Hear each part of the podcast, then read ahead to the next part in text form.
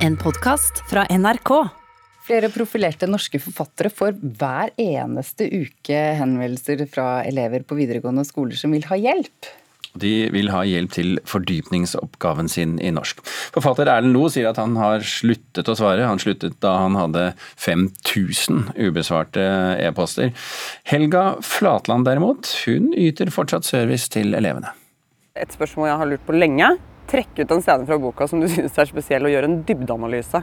Det er jo helt vanvittig. Denne typen melding er hverdagskost for forfatter Helga Flatland. For hun, og mange andre norske forfattere, opplever ofte at videregående-elever forventer i overkant mye hjelp med fordypningsoppgaver i norsk. Jeg prøver å svare de fleste, og de aller fleste er jo veldig hyggelige og lurer på oppriktige ting som de har lest om. Og til de som da ikke har lest boken, så sier jeg les boken først, og så kan du kontakte meg igjen. og Så kan vi diskutere det.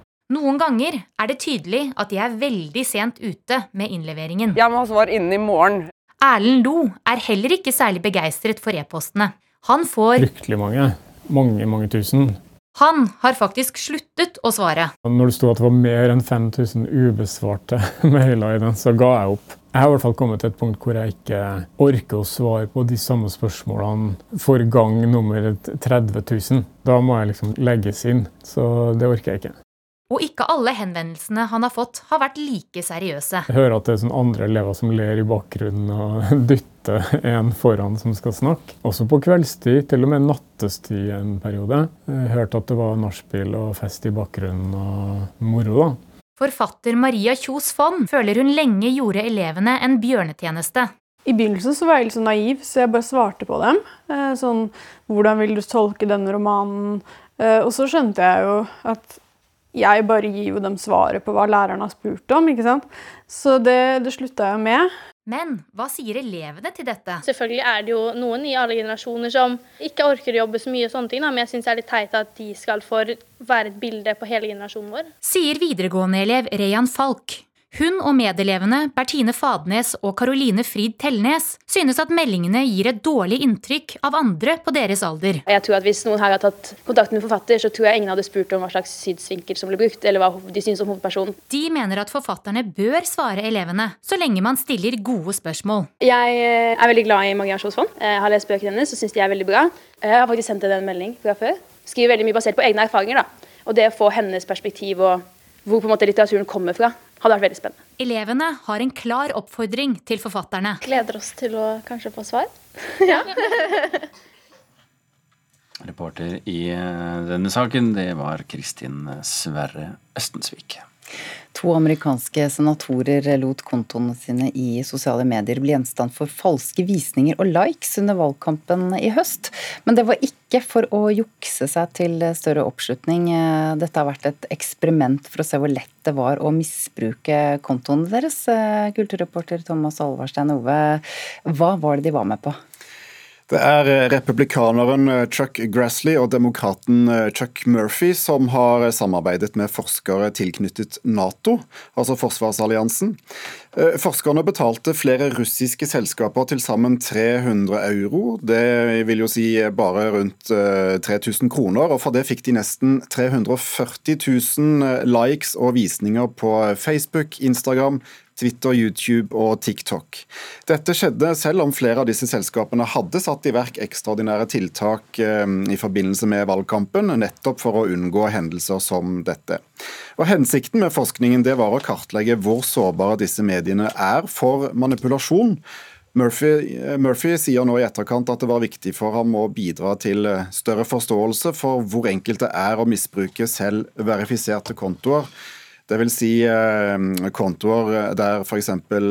Twitter har kontrollert at Murphy, som også heter Chris Murphy, i dette tilfellet er den han utgir seg for å være. Kan, de, disse, altså kan disse forskerne da ha vært med på å påvirke valget i USA?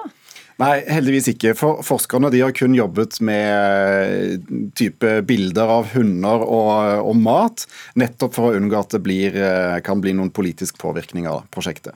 Så hva har de da funnet ut ved hjelp av dette eksperimentet? Likevel så har de samme altså Disse forskerne de gjorde et lignende eksperiment i 2019. og Resultatene fra årets prosjekt viser at YouTube, Facebook og Instagram fortsatt er sårbare for manipulering, mens eh, TikTok er eh, fullstendig forsvarsløst, som de sier, i kampen mot misbruk.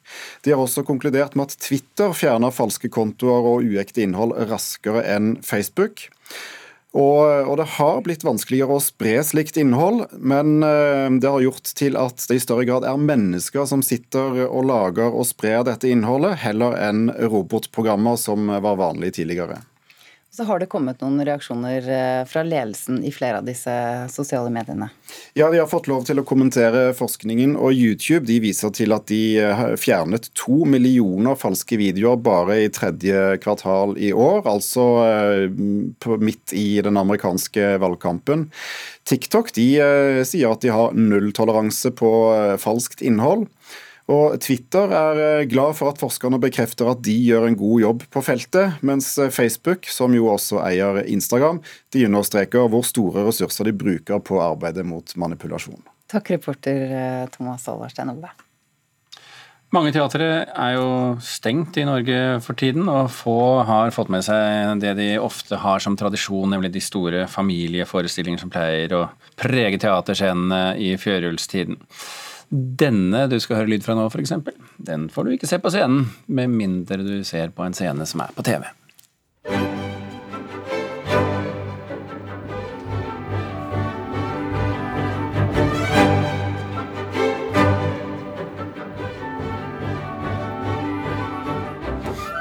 Om noen skulle være i tvil, så kan jeg fortelle at dette er eh, russisk dans av Peter Tsjajkovskij. Balletten er Nøtteknekkerne. Den kan du, om ikke da fysisk gå og se i operaen i år, eh, så kan du høre her at den er filmet og vises på NRK flere ganger i julen. Kvern Frøsland Nystøyl, danse- og teaterkritiker her i NRK. Får du julestemning selv om du ser det på TV? eh, ja, eller altså akkurat denne russiske dansen den blir jeg kanskje mer oppstemt av enn at for nødvendigvis julestemninger. Men akkurat på disse mørkeste dagene så er et uh, oppløfta hjerte vel så viktig som julestemning for meg. Men uh, Nøtteknekkeren, bare så det er sagt, det er en nydelig førjulsopplevelse. Og i voksen alder har jeg lært at den hører jula til. Og Den kan jo ikke se i noe scenehus i Norge nå, men du kan se den her på NRK. Den vises som du sa, flere ganger i løpet av jula.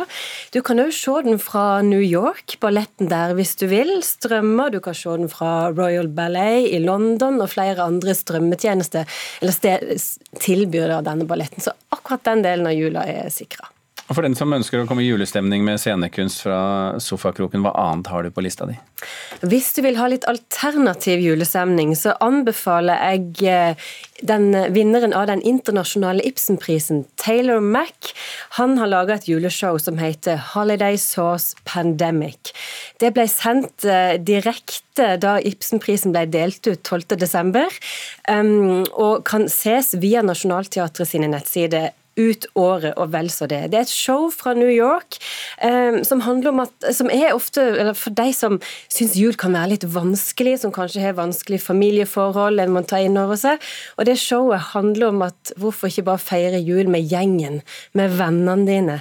Uh, og Taylor Mack kan sitte sitter som et fruktfat. Han er jo òg en drag queen eh, i ei fargerik og skeiv og aldeles herlig og rar oppsetning som man da kan få med seg via Nationaltheatret. For voksne og barn?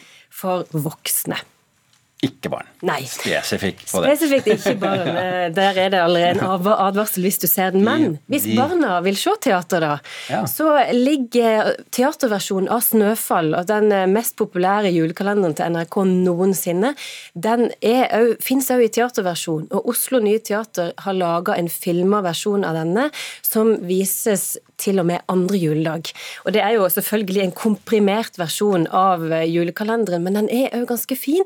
For Oslo Nye har klart å ta vare på teatermagien og bruke figurteater, bruke tekstilet på en veldig spennende måte. når de lager mørke. De har en scene som heises opp og ned. Og så er det den ekte Julius fra TV-serien, altså Trond Høvik, og IQ Johannes Joner, som, som spiller i teaterversjonen av 'Snøfall'. Også. Og den må man inn på teaterets nettsider? Da må man nettsider. til Oslo Nye Teater for å finne den. Ja. Mm. Eh, hvis man ser for seg at man skal gi bort en digital sceneopplevelse? Ja, da spør du jo noen som er aller mest glad i eh, å gå i teater fysisk, men ja, siden du spør, da, eh, så syns jeg Havboka er blitt en veldig fin forestilling i filmatisert versjon. Det er en eh, monolog der Jan Selid sitter alene både som håkjerringa og som fiskeren som jakter denne håkjerringa.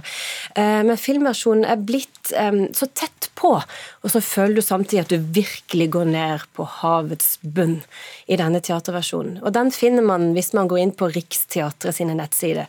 Den koster en hundrelapp å leie, og det er egentlig en veldig fin gave. Altså. Ikke en spesifikk juleforestilling, men likevel? Nei, men man trenger ikke bare ha jul i jula. Man kan jo bli litt lei. Og hvis man ønsker seg en type Netflix for scenekunst, da, så finnes det strømmetjenester som Marquet TV, som har en ganske fin katalog, som er ballett og, og, teater og opera og konserter fra hele verden. Og de har òg et spesifikt juleprogram eh, hvis man ønsker seg det. Blant annet da Nøtteknekkeren fra New York. Ja, og Hvis man nå har hørt på det vi har snakket om, Karen Frøstad Nystøl, og syns det gikk litt fort og ikke fikk notert ned alle nettsidene osv., så, videre, så så vet jeg at du har lagt ut noe på nrk.no, stemmer det? Ja, det stemmer. Hvis du går inn på nrk.no anmeldelse, så finner du disse anbefalingene og mange andre. Herlig. Takk skal du ha for at du orienterte.